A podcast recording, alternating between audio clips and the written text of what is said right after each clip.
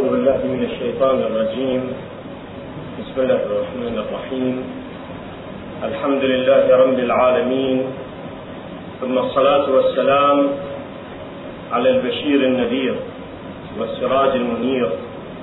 الطهر الطاهر والبدر الزاهر المنصور المؤيد والمصطفى الأمجد أبي القاسم محمد.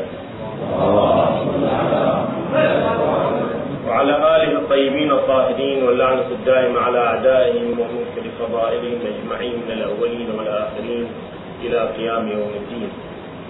اللهم ربنا وفقنا وجميع المشتغلين واجعله خالصا لوجهك الكريم إنك أرحم الراحمين. عندما نتحدث عن الإحسان الكامل في عهد الإمام المهدي عجل الله تعالى فرجه الشريف لا بد أن نعطي لمحة تمهيدية. لشرح هذا الاصطلاح الفلسفي والمقصود من هذا الاصطلاح المداليل التي تؤديها هذه الكلمة. الإنسان الذي خلقه الله سبحانه وتعالى في موقع حباه لم يحب أحدا من خلقه. نلاحظ في المفهوم الإسلامي الفلسفي للعالم أن المركز في الكون هو الإنسان. المحور الذي يتحرك عليه كل شيء وإليه كل شيء هو الإنسان. لذلك عبر عنه القرآن الكريم بأنه خليفة الله. وإذ قال ربك للملائكة إني جاعل في الأرض خليفة. الإنسان الذي سمي باسم آدم على آدم نبينا وعلى نبينا محمد وآله آلاف التحية والسلام. هذا الاسم كان المقصود منه الخليفة الإنسان ما يعبر عنه بالنوع والجنس والكلي. الإنسان الكلي المقصود كل إنسان نوع الإنسان لا المقصود وهو الكاشف عن الأفراد الخارجية كما يعبر عنه في علم المنطق الشكلي أو الأرسطي. الإنسان الخليفة المركز من حيث الفهم الفلسفي له ودوره في الحياة المركز الذي يتحور حوله كل شيء في الكون. لذلك أن الله سبحانه وتعالى جعله الخليفة وجعله الواسطة بينه وبين باقي الخلائق وباقي الكائنات. فلم نجد نبيا غير إنسان مع أن الله سبحانه وتعالى خلق خلائق كثيرة. عالمين. هذه العالمين التي وردت في كثير من الآيات الكريمة مجموعة العوالم المتنوعة سواء العوالم الشهودية أو العوالم الغيبية. باختلاف تلك العوالم الشهودية والعوالم الغيبية لم نجد في جميع تلك العوالم نبي إلا في الإنسان لأن الخلافه الالهيه انحصرت بالإنسان ولم تعطى تلك الخلافه الالهيه لاحد من خلق الله كائنا من كان حتى لو كان ذلك الخلق جبرائيل حتى لو كان ذلك الخلق الملائكة الكروبيين. فضلا عما خلق الله من الجن وخلق الله من الإسناد كما في الروايات وخلق من الحيوانات وخلق من الأشجار وخلق مما يرى ومما لا يرى. فلا يوجد فيها خلق نبي يوحى إليه يتصل بينه وبين السماء بينه وبين الله تبارك وتعالى مباشرة أو بواسطة الوحي إلا الإنسان. يكشف الموقع رباني لهذا المخلوق في الكون المركز الذي يتمحور حوله كل الموجودات في هذا الوجود. هذا المركز وهو الإنسان الإنسان لم يقصد به الأنبياء فقط أو الأئمة عليهم السلام أو الأوصياء أو المعصومون. أي معصوم؟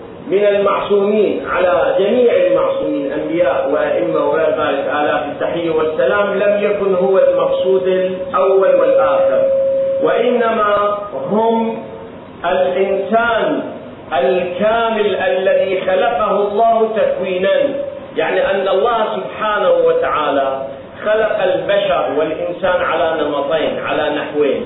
خلق بالتكوين كامل وهم الأنبياء والمعصومين الأئمة. مع هذا هم في طور التكامل ويتكاملون لذلك أن إبراهيم النبي عليه وعلى نبينا وآله آلاف التحية والسلام مر بمراحل من التكامل بما تجلى بمقامات التجلي والظهور في هذا الوجود. الآن لا أريد أتعرض لهذه النظرية بكل تفاصيلها.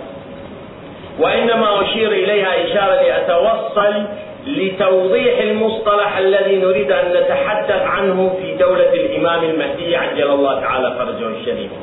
الإنسان إذا على نوعين وقسمين إنسان معصوم بالذات خلق كامل. ولكن هذا الكامل كامل نسبي. لذلك نرى أن بعض المعصومين بالنسبة للمعصومين الآخرين يكون أعلى درجة أو أقل درجة. عندنا الأنبياء. الأنبياء أصحاب درجات.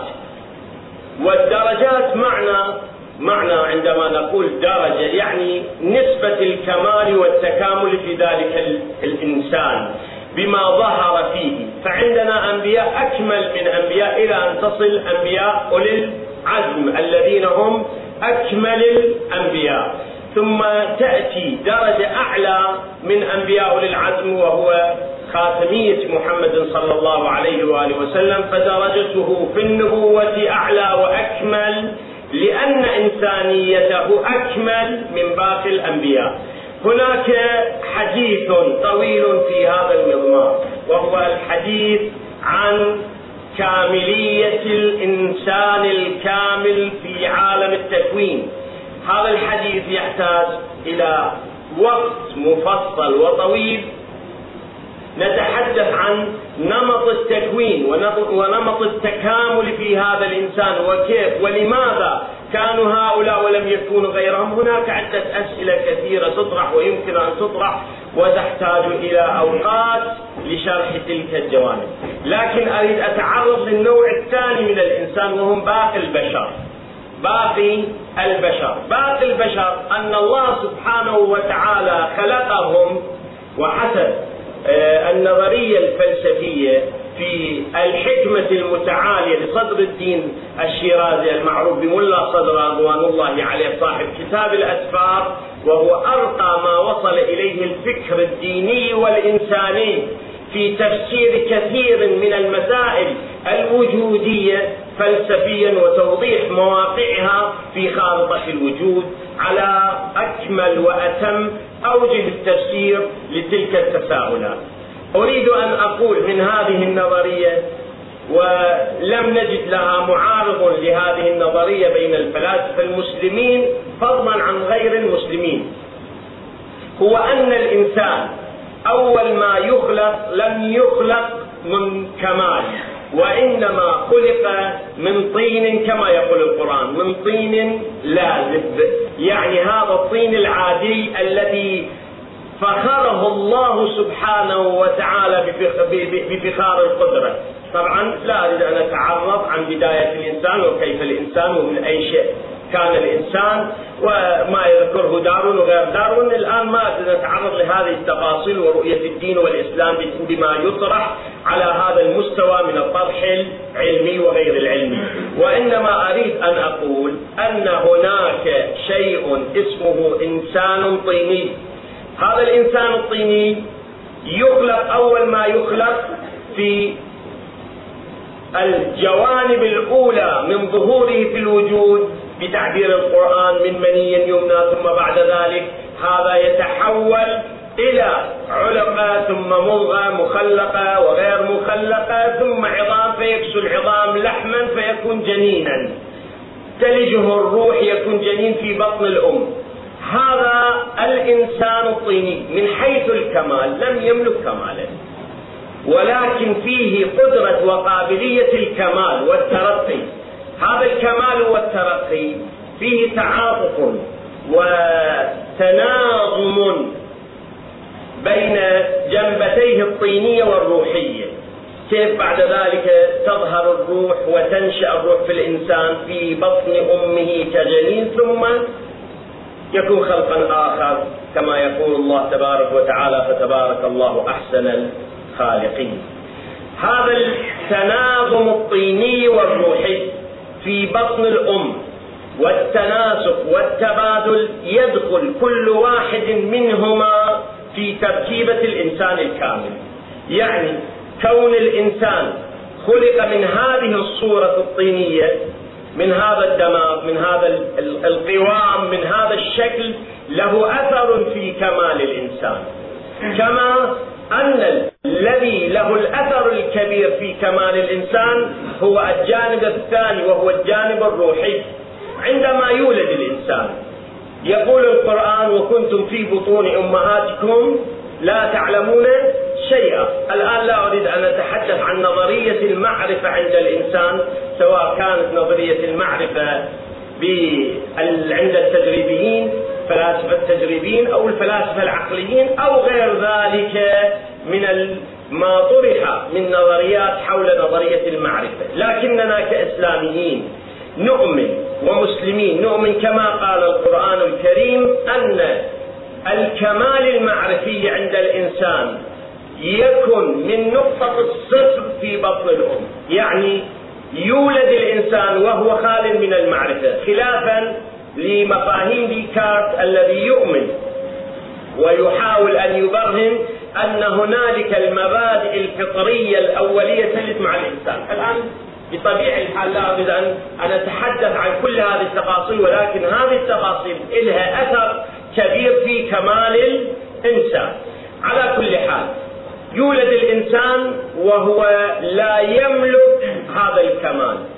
تبدأ معارفه الحسية وهي أول المعارف التي تتكون في عقل الإنسان تظهر من خلال تجاوبه مع الواقع الخارجي. ولذلك نعتبر نحن حتى الإسلاميين أن المعارف الحسية صح لم تكن هي المعارف الكمالية للإنسان كإنسان ولكن هذه المعارف الحسية تعبر عن الموجود الأول للمعرفة. يعني تشكل المعرفة الإنسانية في بداياتها من المعرفة الحسية ثم تترقى إلى المعرفة العقلية. يعني نختلف مع الحسيين حينما نقول أن المعرفة الحسية تترقى إلى معرفة عقلية ونختلف مع العقليين أو الفلاسفة العقليين أو الذين يعبر عنهم بالمثاليين سواء بالمثالية القديمة أو بالمثالية الجديدة التي بشر بها الفيلسوف الألماني هيجل أو غير ذلك بدون لحاظ لهذه التصورات أن الإنسان تبدأ عملية التكامل تكامل إنسانيته. من خلال شنو؟ ظهور الإنسانية ظهور الإنسانية وهو أن تؤدي الجوارح والطينية والجسم تؤدي دورها في إعطاء المجال للقوى العاقلة في الإنسان أن تتكامل وتصل بمستويات أعلى قادرة هذه المستويات أن تغرف العالم الطيني أو العالم الناسوتي كما يقول الفلاسفة وترتقي إلى عوالم أخرى كعالم الجبروت مثلا. فيطلع ويتكامل الإنسان يكون في أعلى عليين وهو في الدنيا.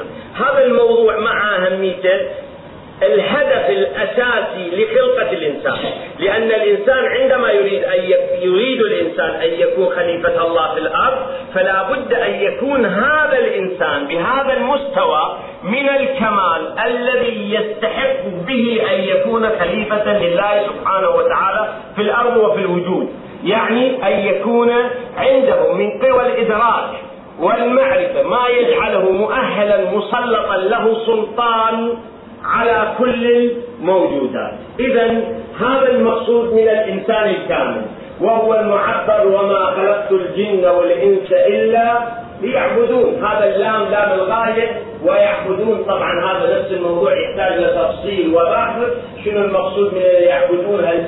العبادة الحركية الحركية الظاهرية هناك حركة الواقع وهو أن يتحرك الإنسان بكله وبروحه.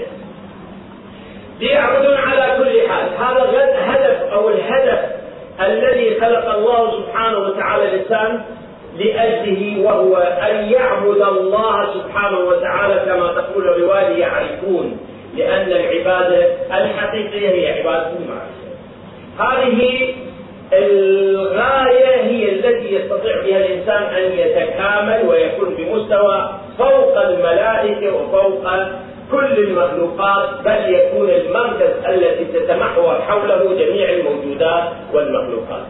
هذه الغاية وتحقيق هذه الغاية هي غاية الأنبياء عليهم أفضل الصلاة والسلام على مر التاريخ. يعني أن الله بعث الأنبياء والرسل من أجل أي شيء؟ من أجل أن يوصلوا الخليقة للكمال الذي يستطيع به أن يعبد الله تبارك وتعالى حق عبادته ويعرف الله تبارك وتعالى حق معرفته. هذه المهمة إذا مهمة الأنبياء. مهمة الأنبياء تتتوج وتنتهي بمهمة الوصي الخاتم المهدي المنتظر عجل الله تعالى فرجه الشريف لذلك نجد في كل النبوات التي سبقت نبوة نبينا محمد صلى الله عليه وآله والتي لحقت النبوة من الوصايات والإمامات التي تتالت بعد رسول الله صلى الله عليه وآله وسلم كانت تؤكد وتبشر بالمهدي المنتظر. عجل الله تعالى فرجه الشريف الذي سوف يحقق تلك الأمنية الإلهية. يعني أن الأنبياء كل نبي له دور يتمم الدور الذي قبله إلى أن اجى دور نبينا صلى الله عليه وآله وسلم. وكان الدور الخاتم النهائي والذي ابتدأ في أعظم حلقة من حلقات هذا الدور بوجوده. الشريف صلى الله عليه وآله وسوف تنتهي بأشرف حلقة بظهور الإمام المهدي عجل الله تعالى فرجه. هذا الإنسان الكامل بقى على مر, التاريخ مفردات يتحدث عنها التاريخ. يعني الآن عندما نريد أن نتحدث في عصر النبي صلى الله عليه وآله وسلم نجد أن في عصر النبي وهو من العصور الشريفة وكانت العصور وهذا العصر قد حظي بحضوره صلى الله عليه وآله وحضور أئمة لا الإمام أمير المؤمنين والإمام الحسن والحسين والإمام الحسين والصديقة الكبرى فاطمة صلوات الله وسلامه عليه مع هذا الوجود ولكن لم تكن البشرية مؤهلة لأن تحظى. البشرية لم تكن مؤهلة لأن تحظى بالكمال التام فتكون هذه البشرية هي الإنسان الكامل. يعني بحيث نحس أن المجتمع المدني الذي عاصر النبي صلى الله عليه وآله وسلم والمدينة أقصد به نسبته إلى المدينة المنورة آه، على ساكنها ومشرفها عليهم أفضل الصلاة والسلام أن الإنسان المدني مع وجود النبي عليه السلام لم تكن مفردات وجود الإنسان الكامل إلا محدودة لذلك نعد أفراد من أصحاب رسول الله الذين وصلوا مرحلة عظيمة من الكمال بحيث يخدمهم الملائكة. كما في رواية أربعة بهم تمطرون وبهم ترزقون. يعني أن الله لأجلكم ينزل المطر ولأجلهم لأجلهم ينزل المطر ولأجلهم يعطي الرزق للعباد. وذكر من جملتهم سلمان سلام الله عليه والمقداد وعمار وأبو ذر صلوات الله عليهم أجمعين. هؤلاء وصلوا بالكمال لهذا المستوى العظيم. ولكن مع هذا المستوى العظيم الذي وصلوا إليه بالكمال لم يكونوا جميعهم بهذا المستوى، جميع من حضر بعد رسول الله صلى الله عليه وسلم، وهذا موجود جزء بقوله تعالى: أفإن مات أو قتل انقلبتم على أعقابكم، يعني أن هذا المجتمع مع وجود النبي وأن النبي اشتغل لأجل نقل هذا المجتمع لهذا المستوى لم يستطع المجتمع أن يتوصل لأن يكون نسبة الإنسان الكامل نسبة كلية ونسبة ظاهرة. وإنما سوف تتحقق هذه النسبة في مجتمع الإمام المهدي عجل الله تعالى فرجه. لا لأن المهدي وحده سوف يقدر بما لا يقدر باقي الأنبياء والأئمة لا. وإنما الإمام المهدي عجل الله تعالى فرجه شاءت إرادة الله أن يكون الخاتم الذي تظهر جهود جميع الأنبياء في دولته جميع مظاهر الجهاد والجهود الذي قام به الأنبياء والأوصياء سوف يظهر في دولته وهذا بسبب هو أن تكامل الإنسان الكامل يحتاج إلى جهود وتضافر جهود كبيرة لا يمكنها أن تتحقق من حيث التكوين. ليس من حيث التشريع إلا في دولة صاحب الأمر. عجل الله تعالى فرجه الشريف لذلك النسبة سوف تكون نسبة وجود الإنسان الكامل على نحوين هنا نظريتين أقول؟ نحوين أقصد بالنظرية؟ هناك نظرية تقول أن النسبة سوف تكون تامة وهو المعبر عنه المجتمع المعصوم. هذا يمكننا أن نتحدث عن الإنسان الكامل الكلي في مجتمع إنساني كلي وهو مجتمع المهدي عجل الله تعالى فرجه هناك نظرية تقول أن مجتمع الإمام المهدي مجتمع معصوم. هذا يحتاج لبحث لست بصدد هذا الموضوع لأن هذا الموضوع يحتاج إلى آه، ضبط بالبحث آه، ووقت بتفصيل المجتمع المعصوم في دولة الإمام المهدي عجل الله تعالى فرجه ولكن هناك نظرية أخرى أيضا تقول أن المجتمع في عصر الإمام المهدي عليه الصلاة والسلام وإن لم يكن كله معصوم ولكن بالنسبة إلى آه، النسبة الأغلبية من المجتمع سوف تكون فيه حالة العصمة. يعني أن أغلب مجتمع أو النسبة العامة في مجتمع الإمام المهدي عجل الله تعالى فرجه يكون فيهم قد تحقق عنصر الإنسان الكامل. طبعا يكون مختلفين في درجات الكمال. يعني الناس وإن وصلوا إلى مرتبة الإنسان الكامل بشكل عام ولا على بالنسبة لهذه النظرية وليس بمعنى الجوهري التام الذي ينكشف انكشاف كلي على جميع الأفراد. مع ذلك فإن هذه النسبة سوف تكون متنا... مختلفة بتعبير المناطق الشرقيين مشككة. يعني ليست متواطئة يعني ليست على مستوى واحد وإنما على مستويات مختلفة. يعني أن مستويات الناس وإن وصلوا إلى مرتبة الإنسان الكامل كيف أن الأنبياء عندنا 124 ألف نبي وال 124 ألف كل نبي عنده أقل شيء وصي وأكثر من وصي. آه، مع هذا مختلفين في مراتب الكمال فيما بينهم فكذلك في مجتمع الإمام المهدي عجل الله تعالى فرجه الشريف سوف يكون الإنسان الكامل مختلف من حيث رتبة الكمال فيما بينه من الأفراد. زين؟ هذا الشيء الأول. أما مظاهر هذا الكمال الذي كنت أردت أن أتحدث عن هذه المظاهر وللأسف الشديد أن الوقت أخذني وأدركني وأنا أتحدث عن مظاهر هذا الكمال. شوف شلون نلاحظ هذا الكمال؟ التكامل قلنا التكامل العضوي والتكامل الروحي. كما هناك تكامل روحي هناك تكامل عضوي. هذه النظرية تحتاج إلى تفصيل بحث. تفصيل بحث طويل. أن تكون العلاقة العضوية والروحية متكافئة أو تكون بينهما آه، حالة تبادل في الكمال. يعني أثر الجانب الروحي على الجانب العضوي. كيف يمكن. الإنسان إذا ترقى روحيا يمكنه أن حتى يؤثر على وجه التأثير بنوع ما من التأثير على جسمه. هذا الكمال الجسمي بحيث قواه أيضا تملك نوع من أنواع الكمال. الآن هذا الموضوع جدا مهم. يعني لأن هذا الموضوع ولو حاليا يطرح على عدة مستويات سواء على مستوى الفلسفات آه، الشرقية التي معروفة بالبوذية وغير البوذية أو الفلسفات آه، الجديدة في الغرب وهي الفلسفات الروحية.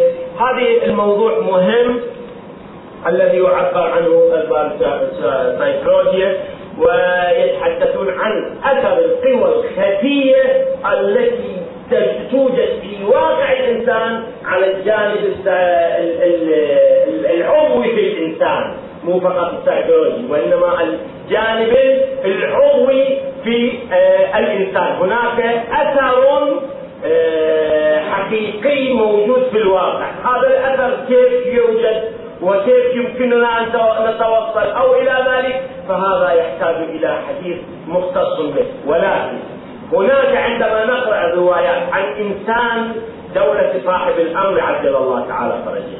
نجد هذا الإنسان يملك من القوى العضوية ما لا يملكه الإنسان الآخر. أعطيك مثال مثلا العاهات والأمراض والعلل في الإنسان.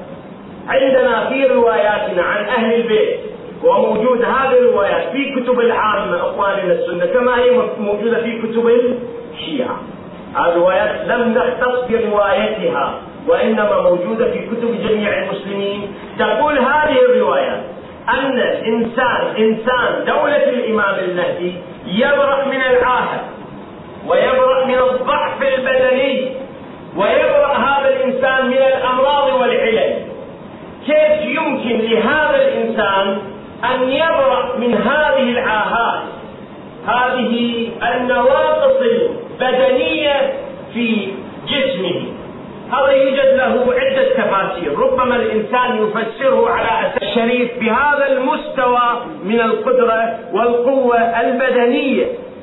قد يقال هذا التفسير الأول ولكن هذا التفسير الأول قد لا نهضمه بسبب هو أن الله أجرى قانون الطبيعة في حياة الإنسان في زمان النبي صلى الله عليه وآله وقبله وبعده ولم تذكر الروايات أن هذه الحالات التي سوف يتوصل إليها الإنسان في دولة الإمام بسبب أمر غيبي.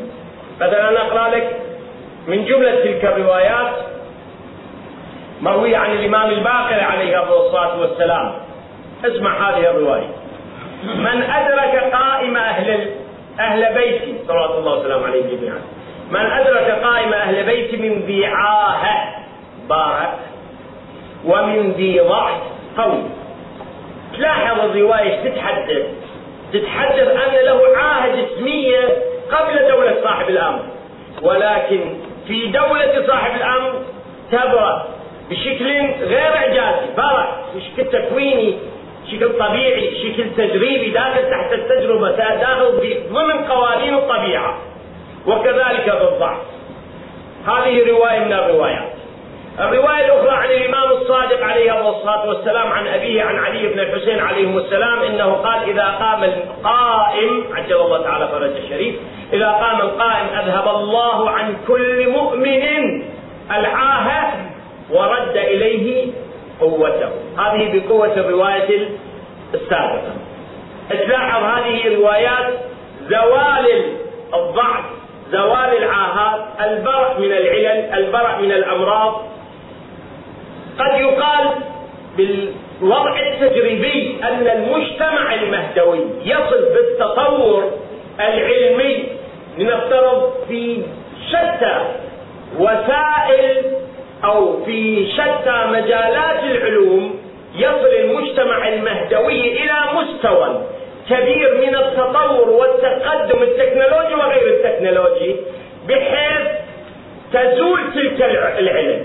الآن لو إحنا مجتمعنا اللي نعيش في هذا القرن بدايات القرن الواحد وعشرين لو قسناه إلى مجتمع قبل سبع قرون نلاحظ نسبة العاهات ونسبة الأمراض ونسبة العلل والظواهر اللا صحية كانت موجودة في تلك المجتمعات بنسبة كبيرة جدا وظاهرة للعيان. ولذلك الأوبئة كانت تنتشر بشكل سريع وكل سنة يتخوف الناس في مواسم خصوص مواسم الحر من ظهور الأوبئة والأمراض مثل الكوليرا والطاعون وما إلى ذلك. الآن بالتطور العلمي خف خفت هذه الظواهر اللا صحية ليش؟ بسبب التقدم وإن كان أن الإنسان توصل لاكتشاف آه، خريطة الجسم لنفترض التي يكتشف منها الأمراض المستقبلية في الإنسان أو اكتشف أكثر هذه الخريطة خريطة الجسم فاستطاع أن يكتشف تلك الأمراض والأوبئة وهكذا في زمان النبي في زمان الإمام سوف يتطور الإنسان. وتظهر كما عندنا إحنا روايات أن الإمام المهدي إذا جاء نشر العلم وكل علم ولا يقصد فقط علم الدين وإنما كل العلم كل العلوم سوف تنتشر وتكون في أعلى مستوى كمالها في دولة صاحب الأمر عجل الله تعالى فرجه. ولذلك سوف تختفي هذه الأوبئة. يعني بشكل طبيعي بدون حاجة إلى الإعجاز. وهذا يؤيده مجموعة من الروايات. من جملة تلك الروايات التي تحدثت عن قوى الإنسان الكامل في دولة صاحب الأمر عجل الله تعالى فرجه الشريف ما تحدثت عن الإمام الصادق عليه السلام في صفة أصحاب القائم ويقصد أصحاب القائم يعني المجتمع الذي الإمام المهدي عجل الله تعالى فرجه الشريف يقول الإمام الصادق وإن الرجل منهم ليعطى قوة أربعين رجلا وأن وإن قلبه لأشد من زبر الحديد. ولو مروا بجبال الحديد لقلعوها. هذه القوة التي تعطى للجسم. قد الآن أنا وأنت بما نملك من وسائل تجريبية ما استطعنا أن نوفر هذا المستوى من الطموح في رقي الإنسان وتكامل الإنسان.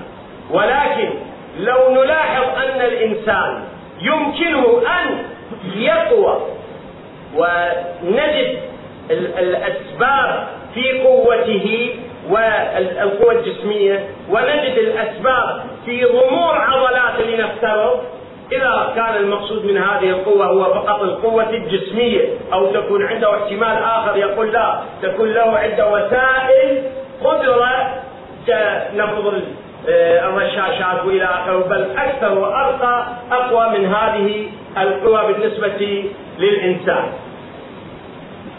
هذه الروايات التي تحدثت عن هذا الإنسان في زمان الإمام المهدي عجل الله تعالى فرجه الشريف تحدثت عن الإنسان الذي سوف يتغير روحيا وسوف يتغير جسميا. هذا التغير الروحي والتغير الجسمي نحو الكمال. الكمال المنشود الذي يتناسب مع طموح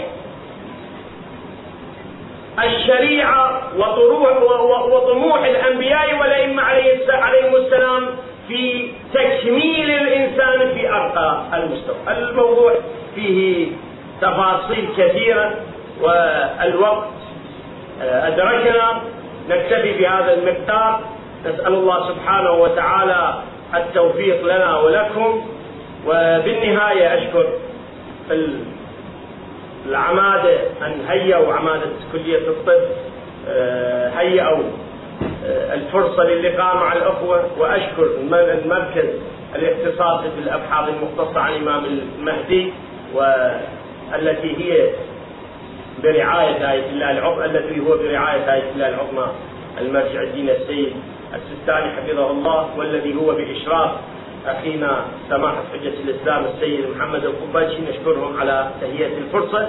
أسأل الله أن تتوفر فرصة أخرى قد يمكنني أن أكمل البحث لأنه في الواقع أنا الوقت الأكثر لابد أن أوضح المصطلح حتى أوضح المقصود. من عندما وصلنا إلى المقصود قد انتهى الوقت.